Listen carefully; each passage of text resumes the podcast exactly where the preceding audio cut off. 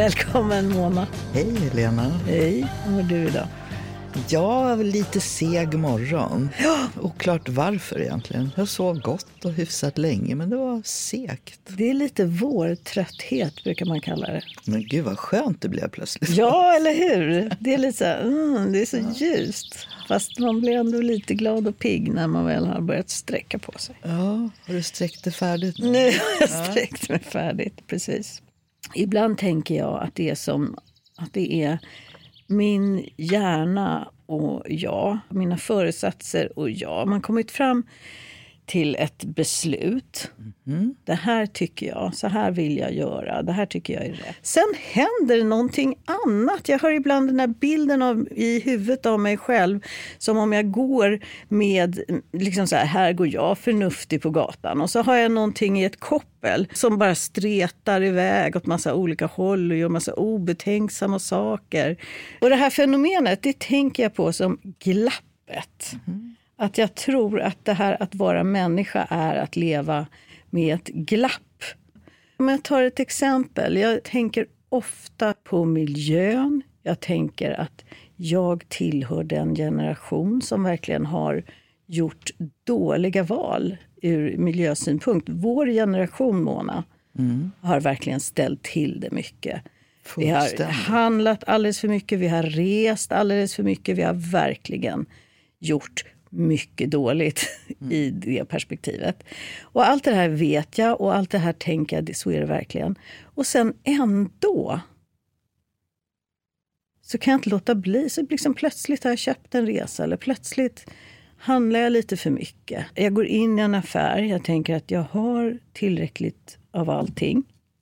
Jag ska inte köpa mer. Jag, jag, tycker verkligen egentligen illa om hela det här konsumtionssamhället och det här ständiga handlandet. Och, och sen är det någonting jag ser. Säg att jag ser en svart klänning. Jag har liksom någon förbläss för svarta klänningar. Och så ser jag den och så tänker jag jag har redan fem stycken. Eh, men den här var ju jättesnygg. Så plötsligt har jag köpt Och då köper du den? Eller jag menar, jag kan ta, jag kan ta ett väldigt så här, litet löjligt exempel också på hur jag kan fungera. Jag kan tänka så här, nu, nu är det vår, jag tycker så här, oj vad allting stretar i midjan, jag vill verkligen, jag vill verkligen gå ner lite i vikt. Allt det här tänker jag medan jag går in på ett konditori och köper en semla. Alltså det är för mig det är ett löjligt exempel, men det är ändå en sorts sinnebild för hur jag kan liksom klyvas i två. Alltså jag, jag gillar uttrycket, ja. till att börja med. Då, att det finns ett glapp så att säga mellan det man vill eller drömmer om eller hoppas eller förväntar och sen så att man kanske själv gör andra val eller man tvingas in i situationer som leder precis tvärtom. Mm. Och, och, då tänker jag snarare att jag är nog mer som en sån här som dansar jänka fram i livet. Man, man liksom hoppar två steg framåt, de där jätteambitionerna och nu ska jag... Och så blir det ett litet bakslag. Men ändå inte hela vägen tillbaks till noll. För jag tycker nog ändå att miljöfrågan lever jag verkligen med, precis som du säger. Mm min generation, vi har varit för jävliga helt enkelt. Eh, och fortsätter på något det vis. Det märkliga är att vi har varit för jävliga men ändå under någon sorts bild av oss själva som ganska medvetna och bra människor. Eh, ja, eftersom det har handlat mer om i ord och mindre i handling. Det är det jag menar är glappet. Ja. Och, men det börjar ju ändå, känner jag då, vara var lättare att sluta det där glappet lite grann. Um, till exempel när jag blev medveten om hur oerhört mycket vatten det går åt för att tillverka kläder. Jag har glömt siffrorna nu, men ett par jeans, det var ju, alltså det var ju tusentals liter vatten. Eh, ja, då upptäckte jag då via min dotter, det finns något som heter cirkulär garderob. Mm. Så de kläder jag har tröttnat på stoppar jag ner i en låda och så åker de iväg. Och så kommer det tillbaka en låda med kläder som någon annan har tröttnat mm. på. Mhm. Och som jag tycker, nej men vad spännande. Och jag får bara behålla dem där i en månad. Jaha. Sen åker de tillbaka. Ah. Så att det hela tiden snurrar runt. Men jag tänker kläder är ju så personligt. När du öppnar den där lådan känner du inte ibland så här, men det här är inte jag. Ja, men då skickar jag ju tillbaka dem. Ja, okay. Det är liksom inte mer med det. Men Nej. ibland och väldigt ofta så känns det himla bra. Både därför att det ibland ligger himla snygga kläder ja. som verkligen är jag. Och så tycker jag också att, ja men vänta nu, det här är ju hur man måste göra för att sluta gapet. Inte bara gå runt och ha dåligt samvete hela tiden, för det har jag också. Men att man är tillräckligt lyhörd för att uppfatta nya trender som faktiskt går i rätt spår mm. och inte tillbaka. Så då känner jag, även om jag också köper den där svarta klänningen fast jag inte borde, så är det jänka. Två steg framåt, ett bakåt och så framåt. Mm. Och då kan jag göra drömmarna om att bli en god människa till min hjälp istället för mitt ständiga dåliga samvete. Ja, men det är just det där att få ens dåliga samvete, eller vad man ska kalla det, att bli ens bästa kompis. Hur ska den processen gå till? Men tycker du, om du, du ser tillbaka på ditt liv, tycker du att det har varit en bra eh, att du har varit bra på att styra dig själv dit du vill? Nej. Eller upplever du att att du har levt med någon typ av glapp? Jag har inte varit bra på att styra livet. De här valen som vi ja. pratar om nu. Nej, jag har inte varit bra på det. Jag har varit bra på att formulera de stora visionerna hur världen borde vara och hur vi borde leva. Politiken är ju full av det. En ganska omoralisk rättrådighet. Mm. Och, och backar man lite, som man tvingas till när man blir lite äldre och framförallt när man avgår och börjar titta på vad jag har gjort och vad jag inte har gjort så borde kanske också politiken ha varit lite bättre på att inte bara mejsla ut det där drömmålet om hundra år. Utan okej, okay, här är Sverige, hur ska vi leva här och nu? Vilka förändringar kan du göra? Vilka krav kan vi ställa på lokala ICA-affären? Vi ska vara landet som blir först i världen med att bli av med oljan, utropade jag och Göran Persson för 30 år sedan. Mm.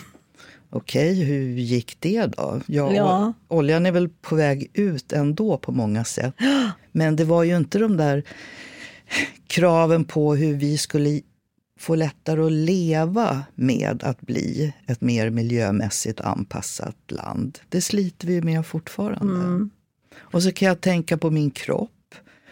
Eh, jag säger att alla har rätt att se ut som de vill och ändå tittar jag på mina egna bilringar och på andras bilringar och så blir jag irriterad på mig själv. Men varför håller jag på och tittar på det och lite i smyg blir irriterad på det när jag själv är så stolt över att prata om allas rätt till sin egen kropp.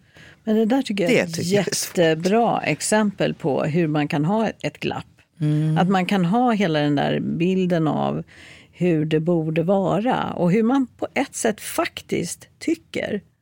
Ibland så tänker jag ju att jag som är en så upplyst mm. och klok människa och kvinna har jag också gått på det som är hela eh, mannens sätt att titta på kroppen, hur reklamen och kommersialismens sätt att hela tiden tala om att luktar du inte lite illa under armarna, har du inte lite för mycket hår på benen och har jag gått på allt det? Ja, känner jag. Och ja. Då är väl svaret ja. Ja, på något ja. sätt. Jag kommer ihåg, det var för några år sedan, så, det var ganska många år sedan, säkert eh, ja, 25 år sedan. Då ledde jag någon typ av samtal mellan olika läkare. Och bland alla de här olika läkarna som skulle prata om sina olika områden så fanns det en plastikkirurg. Och det här var som sagt 25 år sedan. Men hon berättade och hon blev så väldigt hårt ansatt av sina kollegor. Varför höll hon på med det här? Var det verkligen det här som deras utbildning skulle leda till? Och så vidare. Och jag, efter ett tag tyckte jag började jag tycka lite synd om henne.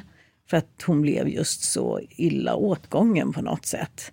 Även om jag liksom var skeptisk själv till hela grejen. Men eh, sen så att när det blev paus så kom jag fram och sa det till henne. Att hur är det? Och oj vad du fick liksom stryk. Och då tittade hon på mig och sa så här, mm, men det är ingen fara. De kommer fram till mig i pausen och frågar vad det kostar. och det där tänker jag på ibland, som en sån, det är också ett sånt typiskt glapp. Jag tror verkligen att många som ifrågasatte hennes verksamhet, precis som jag gjorde, på något sätt också vara lite nyfikna på vad det kostar. Ett poddtips från Podplay.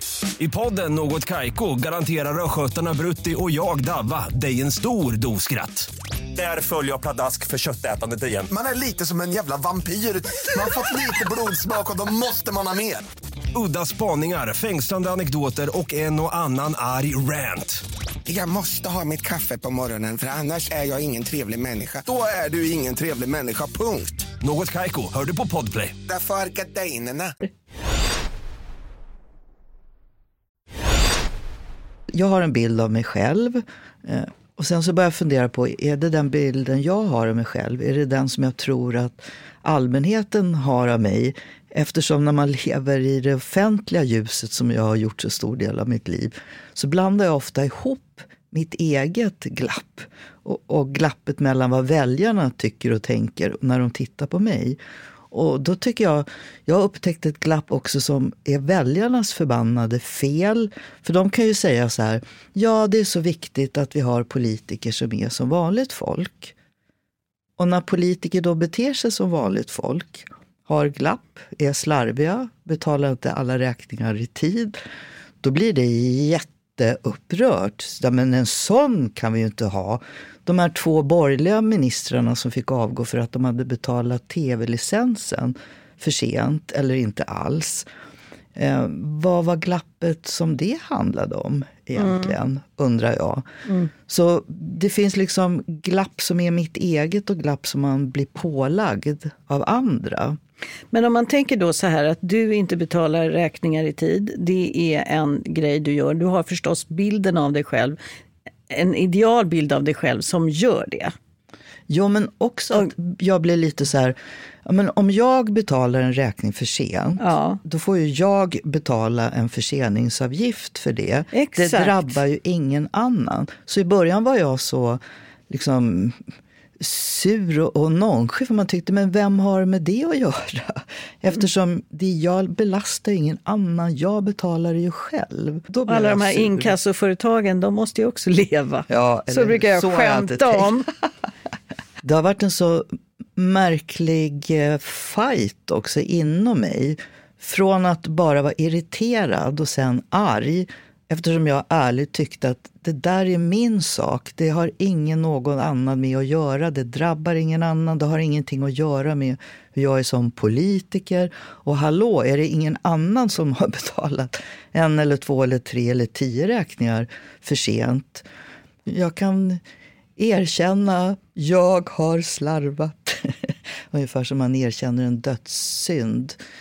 Eh, men däremot att slarvet eller diskussioner om ekonomi lät till slut som om man utnyttjade ett system. Eh, att man skodde sig. Eh, och det glappet vill jag ju inte kännas vid och tycker är oerhört orättvis. Men jag har tänkt på ehm, glappet, hur, hur, olika det ser ut i olika länder. Det fanns en period när en socialdemokratisk minister som hette Ove Rainer mm hade, ja, på något vis hade han eh, fuskat eller utnyttjat snarare någon del i skattelagstiftningen till sin egen förmån. Och det blev ett otroligt liv. Nancy Eriksson som var stridbar S-kvinna, hon sa vi vill inte ha några löss i den röda fanans väck. Och samtidigt så var det en eh, Tory-politiker i England eh, som, hade, som var gift och som hade gjort sin sekreterare som han hade som älskarinna med barn. Eh, och han fick också gå. Och då tänkte jag ofta, om man bytte plats på de där två, att Ove Rainers försummelser hade ingen i brittisk politik ens lyft på ögonbrynet åt. Och om en person hade gjort sin älskarinna med barn så hade det sannolikt varit att se som en privat sak som inte hade blivit en stor sak i partierna. Så sexskandaler i andra länder, men pengaskandaler i Sverige. Det säger någonting också, tror jag, om det svenska. Att vi ser mer illa på ekonomiska försummelser. Tror du att det är att man har en, en yttre bild av att, att man att vi ska vara ordningsamma. Att det är någon sån här trygghetsbild. Ja, det tror jag. Att i den stund vi börjar känna att nej, men vi är inte, börjar man börja, vi är inte särskilt ordningsamma, någon av oss. Då är det en väldigt otrygg känsla. Mm. Jag tror verkligen det ligger någonting i den svenska folksjälen. Det där att ordning och reda och lön på fredag. Och det är liksom att vi är, spara ja. och inte slösa. Och politiken är också, vi ska spara i ladorna. Hur många gånger har vi hört finansministrar i 50 års tid prata just om när man ska spara och ordning och reda. Ja. Eh, det är någonting där. att då, då kan Väcker med, ångest. Ja, och en liten försening då av en tv-licens bryter plötsligt mot detta, inte ordning. Mm. Det är intressant. Ja, det är intressant. För som du säger så är, finns det ändå någonting i det här att man faktiskt betalar för det själv. Ja, jag tyckte det i alla fall. Det, jag propagerar inte för att alla ska betala Nej, det gör verkligen men, inte jag heller. Inte för någon skull så. Men man skor sig ju inte. Det kanske finns andra sätt där politiker verkligen har skott sig. Ja, skott sig. Men jag kan ibland faktiskt undra över varför det väcker sån vrede. Och det väcker verkligen vrede det här att slarva. Det är någonting med att, att vi till skillnad från omvärlden, vi har ordning och reda och systemen fungerar. Men känner du skam själv när du blir påkommen som slarvig? Ja, det är klart jag gör. Men det är ju ingen trevlig stämpel att få på sig att att man är slarvig. Det finns någonting otäckt med hur eh, kvinnor drabbas mycket mer av att bli anklagade för att vara slarviga. Eh, det här uttrycket bara att heta slarvemaja, mm. vad är det manliga uttrycket för det? Slarver. Men ja. en manlig slarver, eh, han är mera slarvig. Det är en sån där oj, oj, oj, det råkar bli lite mycket på krogen eller mycket tjejer. Kan det handla om också att kvinnor, att det har någonting med att den här kvinnorollen ska vara att hålla ihop ett hem och eh, att mm, kvinnan som har traditionellt sett ska ha ordning och reda och mannen kan rumla runt och vara lite si och så. Ja, kvinnan... Måste gå hem och hålla sig i örat ibland och liksom, så ska lämna ifrån sig kuvertet och så håller kvinnan ja. Men det är ju inte bara att kvinnan liksom borde hålla reda på allt. Det, det är ju så det är i familjen och baske mig också i, i politiken. Om mm. ni bara visste hur mycket jag har fått styra runt med. Åh, den där killen, nu gjorde han det och den där mannen gjorde det. Ja, men det fixar vi, det ordnar vi, det löser vi. Jag försvarar, jag gör si, jag gör så. Mm. Men en kvinna som betraktas som slarvig, det, det är tär lite, liksom på ja. hela förtroendekapitalet. Så det gäller att ta plats ännu mer som slarvemajor. Ja, eh, exakt. Jag, jag kan förändra slår... världen även om jag slarvar med räkningarna. Så det så. Men då kanske det är att abdikera i någon mån från kvinnorollen. Den klassiska kvinnorollen. Ja, Ordning och reda kvin ja. kvinnan. Ja. Jag känner att jag som, jag har abdikerat från så många såna här påklistrade roller som kvinnan ska ha.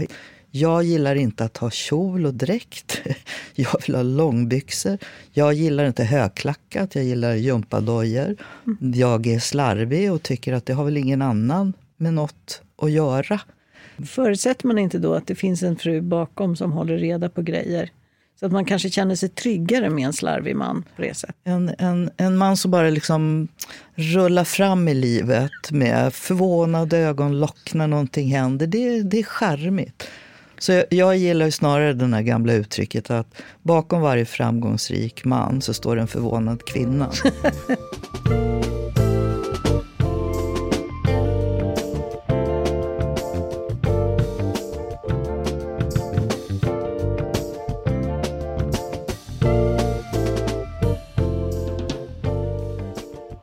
Nej, men jag, jag, tycker det där är intressant för att jag tänkte efter i julas, när julen hade varit, då hade den kostat lite väl mycket. Och så var det en eller drygt tio dagar tror jag, till lön och jag kände så här, men oh, nej, det här kommer inte gå.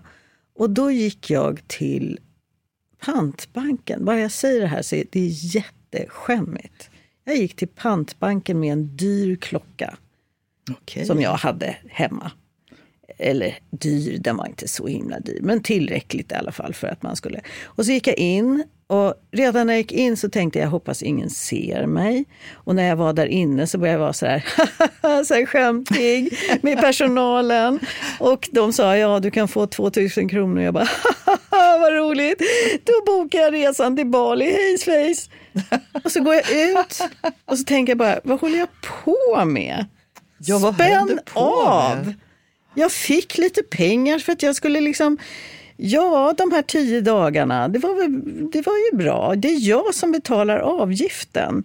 Den där gamla klockan låg bara och skräpade. Det var väl en jättebra grej. Jag borde säga hurra för mig som tänkte på en sån, Ja, tänkte ut en sån kreativ och Även bra grej. miljömässigt, Helena, Även- var det lysande. Eller Men allvarligt talat så kände jag faktiskt att jag skäms ihjäl på ett plan. Jag tyckte det var jättepinsamt. Jag tyckte det var så pinsamt så jag kände att jag var tvungen att berätta det för alla möjliga människor. Bara för att någon sorts typ skambefrielse. För att jag, Öh, jag kan, det här är liksom någonting som jag nästan inte kan eh, ta i. Det är, och då tänkte jag just på det här, varför är detta så skämmigt? Jag tror att en, delen, en av delen till att det är så skämmigt, det är för att det är fjuttigt. Hur då menar du? Ja, men det är litet, det är liksom små summor. Det är en, det är en liksom så här liten fattig sorts bank där folk kommer så här, kan, kan, ni, kan man få någonting för den här gamla gitarren? Det är liksom ett litet sammanhang. Hade det här varit ett tjusigare, jag menar folk lånar väl liksom halva, folk lånar ju miljoner till det ena och det andra. Utan att, och då är det nästan, ja, det är väl liksom lite tjusigt. Då är man uppe i en annan liga. Du menar om man lånar för att köpa en Jag menar klocka så här- så är det mindre skam Ja, än det att, tror jag än att faktiskt. låna 2000 kronor på, på en existerande klocka. Ja. ja. Jag tror det. Jag tror att det är någonting i det här. Pin, det, lite av det pinsamma ligger i det lilla. Det är klart att det är en brist. Det är en brist i ens karaktär att man inte kan tänka till så pass. Att hallå, hallå, eh, nu håller du på att göra av med hela lönen alldeles för tidigt här. Att det är ju, det är klart att jag gjorde en serie dåliga val som jag var tvungen att... Men gud, jag känner bara när jag säger det, jag hatar det där uttrycket som folk älskar nu för tiden. Jag gjorde ett par dåliga val. Men, Det är någonting... Jag, jag, det, det, jag tycker att det är otroligt provocerande egentligen att man säger så. För val sker ju så sällan på det sättet. det finns ju glapp som jag kan tycka är vidriga. Jag har stött på en person som ju Alltså jag hatar hela diskussionen, men det var verkligen ett glapp kan man säga. Jag var så oerhört förtjust, alltså inte förtjust i personen, men en polismästaren, Göran, som Lindberg, som var så fantastiskt bra att komma i sin uniform på alla jämställdhetsmöten vi hade. Och han stod där och sa, för mig spelar jämställdheten och kvinnors rättigheter. Och så var det världens fruktansvärdaste våldtäktsperson. Och inget hade jag sett, eller någon annan heller. Så det där gigantiska glappet som uppstod Där kan man att- prata om Grand Canyon. Ja, men också att då börjar jag ju titta på flera människor i min omgivning. Så här, om inte jag såg det där hos honom, vad döljer andra? Verkligen. Så att se ett glapp blir ju också en konflikt till slut om man bara ser glappet hos andra och inte hos sig själv. Mm. Men ibland känns det som att politiker vet att väljare är alldeles för benägna att leva i det där glappet. Så att det blir lite för impopulärt att dra, liksom, höja skatt på vissa fordon till exempel. Men det är, det är här jag bara så här suckar över mig själv och hela min liksom yrkesgenre av politiker. För att antingen så är ju politiken bara ett ställe där man ska lyssna in vad väljarna tycker och så ska man göra precis det. Eller så måste politik vara ett ställe där man försöker förändra hur folk och opinioner är genom att serva med fakta och också våga stå för förändringar. Och hela miljöarbetet går ju inte att komma någon vart om inte politiken också vågar säga till väljarna, ni har fel. Mm. Om ni bara, bara vill leva så billigt som möjligt så kommer inte det att funka i den värld som vi nu är på väg in i. Och det, det är liksom att inte bara följa opinioner utan att ändra opinioner, att skapa opinioner. Mm. Eh, det hänger ihop med liksom den politiska glappet mm. som är mellan vad politiken vet är nödvändigt, som Macron är ute för i Frankrike i dessa dagar där han säger vi lever längre och längre, vi jobbar kortare och kortare. Kanske måste vi förändra pensionsåldern. Helt nödvändigt. Och det blir ett ramaskri. För kanske är det så att diskussionen om varför pensionsåldern behöver förändras inte har varit en del av den kollektiva diskussionen i Frankrike. Nej. Och inte här heller. Mm. Nej, precis. Eh, och, det är ju, och det tillhör väl den här liksom, bilden av att man ska bara få det bättre och bättre. Ibland tänker jag också på den här slogan som är “because you're worth it”. Mm. Som jag tror har spelat en jättestor roll i vårt sätt att se på oss själva och vår konsumtion. Att det är ju någonting som är... Det blir liksom djuppsykologiskt det här att man eh, tycker att man är värd någonting. Att det, det är förknippat med ens värde. Ett poddtips från Podplay. I fallen jag aldrig glömmer djupdyker Hasse Aro i arbetet bakom några av Sveriges mest uppseendeväckande brottsutredningar. Går vi in med hemlig telefonavlyssning och, och då upplever vi att vi får en total förändring av hans beteende. Vad är det som händer nu? Vem är det som läcker? Och så säger han att jag är kriminell, jag har varit kriminell i hela mitt liv men att mörda ett barn, där går min gräns. Nya säsongen av Fallen jag aldrig glömmer på Podplay.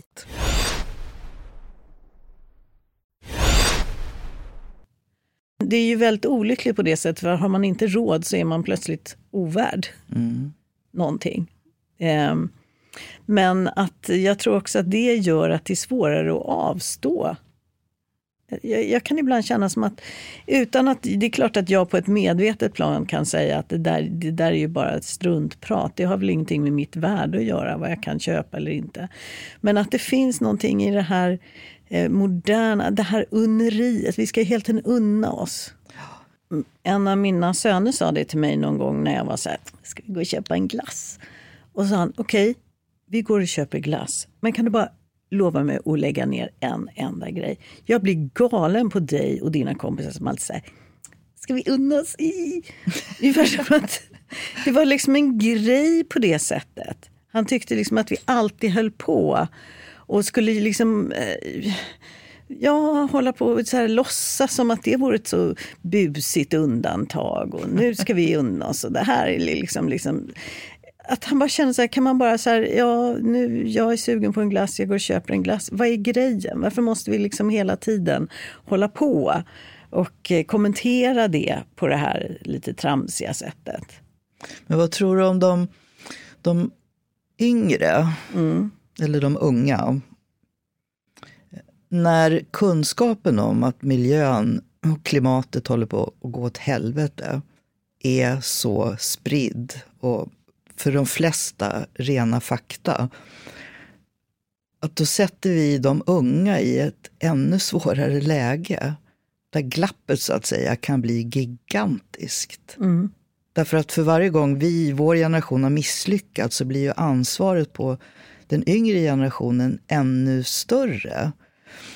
Jag kan känna både en sorg men också glädje över det. För jag märker på framförallt en av mina döttrar eh, hon har liksom tagit sättet att leva som man lär så oändligt mycket längre än vad jag ens trodde var möjligt. Med sättet att leva, med solpaneler på taket, med elbil, eh, cirkulära garderober. Och när jag hänger med barnbarnen där nere så, så blir jag lika fascinerad varenda gång. Till exempel när jag och Winnie, som då är sju år, såg och borsta tänderna. Så ja, jag sätter ju på vattnet och så spolar man vatten på tandborsten och så börjar man borsta tänderna medan vattnet rinner. Mm. Och han tittar uppfordrande på och säger mormor och så stänger han av vattnet. Man ska inte slösa på vatten sådär. Och så står vi där och borstar tänderna. Ja, ja. Och jag tittar på honom. För det var, det var sanningen för honom. Förstår du? Det var mm. inte ett glapp, det var inte en tanke, det var inte en lärdom. Det var bara så man ska vara. Och i det fanns det ett löjligt hopp där när jag stod mm, där och borstade mm. tänderna. Det är jättebra. Så jag spottade och så tog jag pyttelite vatten för att skölja munnen. Och då, liksom, då nickade Winnie till mig precis som att okej, okay, nu har du förstått något mormor. Ja, ja.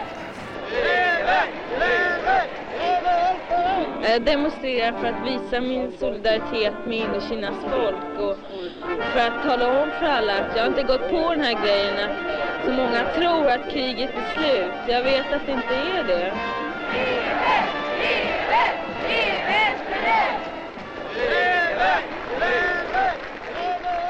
Men hur, hur kommer det sig att vi har lärt oss så mycket annat om jag tänker, man gick där med Vietnam eh, och kampen mot kärnvapen och kampen för Mandela och anti anti-apartheid. Vi har ju gjort så himla mycket. Men vad är det som gör att vi liksom har förträngt hela tiden den kunskap som det här slöseriet och miljöfarligheten har inneburit? För det var ju aldrig någonting vi gick på gatorna och kämpade för, eller? Det kanske är för att det, det, är lite för roligt eller lite för... Det kanske är för lockande helt enkelt. Det tror jag, att det inkräktar på oss. Det inkräktar på oss och på vår lust. Men kampen mot apartheid, det var där borta. Ja, och Exakt. kampen mot kärnvapen var också någon annanstans. Ja, och att det fanns något, och nu vill inte jag låta sådär cynisk, för att det är jag verkligen inte. Jag tror att det finns liksom, all, alla känslor finns så att säga, både, både eh, men jag, jag, tänker att det, fann, det fanns ju också någonting attraktivt med den här kampen. Hur då menar du? Jag menar att det fanns ju, det var ju ingenting som kostade så mycket. Eller tycker du att det gjorde det? Nej, jag håller nej, med. Nej, det kostade inte så mycket. Och det var en ganska attraktiv kamp. Men att det här andra småttiga, det här som kostar på mer för ens egen del, det som man anser lustfyllt och som man tycker ändå att man är värd. Men jag tänker också om man pratar om glapp så är det ju det förstås en sorts det finns ju glapp som är, bara är på grund av att man inte har pengar, på grund av att man inte eh, kan leva på det sättet. Ja, det är ju ett glapp, det är en klassfråga mm. både inom ett land som vårt, eh, där de, de rika människorna både kan ställa om på ett annat sätt, till exempel att investera i solpaneler. Det är inte gratis. Det kräver enormt mycket pengar och du måste ta ett lån. Och har du Kronofogden så får du inte ta ett lån. Så på något vis så binder ju klasskillnaden också eh, glappet så tydligt mellan också eh, rika och fattiga. Mm. Och på samma sätt så är det ju mellan rika och fattiga länder. För ofta hör inte vi folk i Sverige som säger att ja men varför ska vi hålla på att förändra våra liv? För liksom kineserna, när de skaffar alla bilar och indierna, när de nu ska få eh, luftkonditionering för att inte dö av värme, det är väl det stora problemet. Så det är ju liksom insikten om hur olika villkoren är kan ju också bli en förhindrande kraft i att inte ändra något. För man tycker vi är så små och vi är så få. Mm, mm. Så därför vill jag fortsätta tjata om att också de här små stegen mm. som även fattig och rik kan ta mm. spelar också en väldig roll. Mm. Men skillnaderna mellan ekonomiska förutsättningar måste ju politiken ta sig an. Det är häftigt att betala skatt. Vi har båda nu här bekänt att vi är slarviga. Eller ja, vi har gått med på det själva. Men finns det någonting som man absolut inte får slarva med? Ja, så är det ju barnen. Barnen. Mm. Det är det enda som jag skulle säga. Mm. Jag håller med. De får man inte slarva med. Nej. Och så får man inte ljuga. Vi känner genast att jag... Nej, inte, Medvetet ljuga Ja. Ja, men tack eh, för glappet. Vilket bra Tack. ord. Ja, kan vi sluta lever- med att nu- säga. Tack, Glappet. Mona. Nu lever vi vidare med våra glapp. Ja, Vi tar gör det. hand om dem, vi är inte så stränga. Ja, vi rider vi bort har- i solnedgången, blåser i pistolen så här. Hej då! Hej då!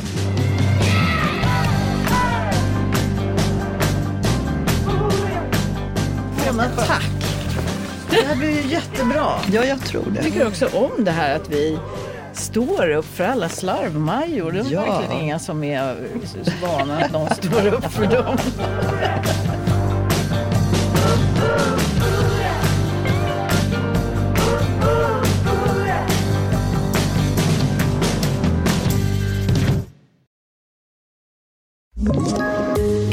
Poddtips från Podplay. I podden Något Kaiko garanterar östgötarna Brutti och jag, Davva, dig en stor dos skratt. Där följer jag pladask för köttätandet igen. Man är lite som en jävla vampyr. Man har fått lite blodsmak och då måste man ha mer. Udda spaningar, fängslande anekdoter och en och annan arg rant. Jag måste ha mitt kaffe på morgonen för annars är jag ingen trevlig människa. Då är du ingen trevlig människa, punkt. Något Kaiko, hör du på Podplay. Därför arkadeinerna.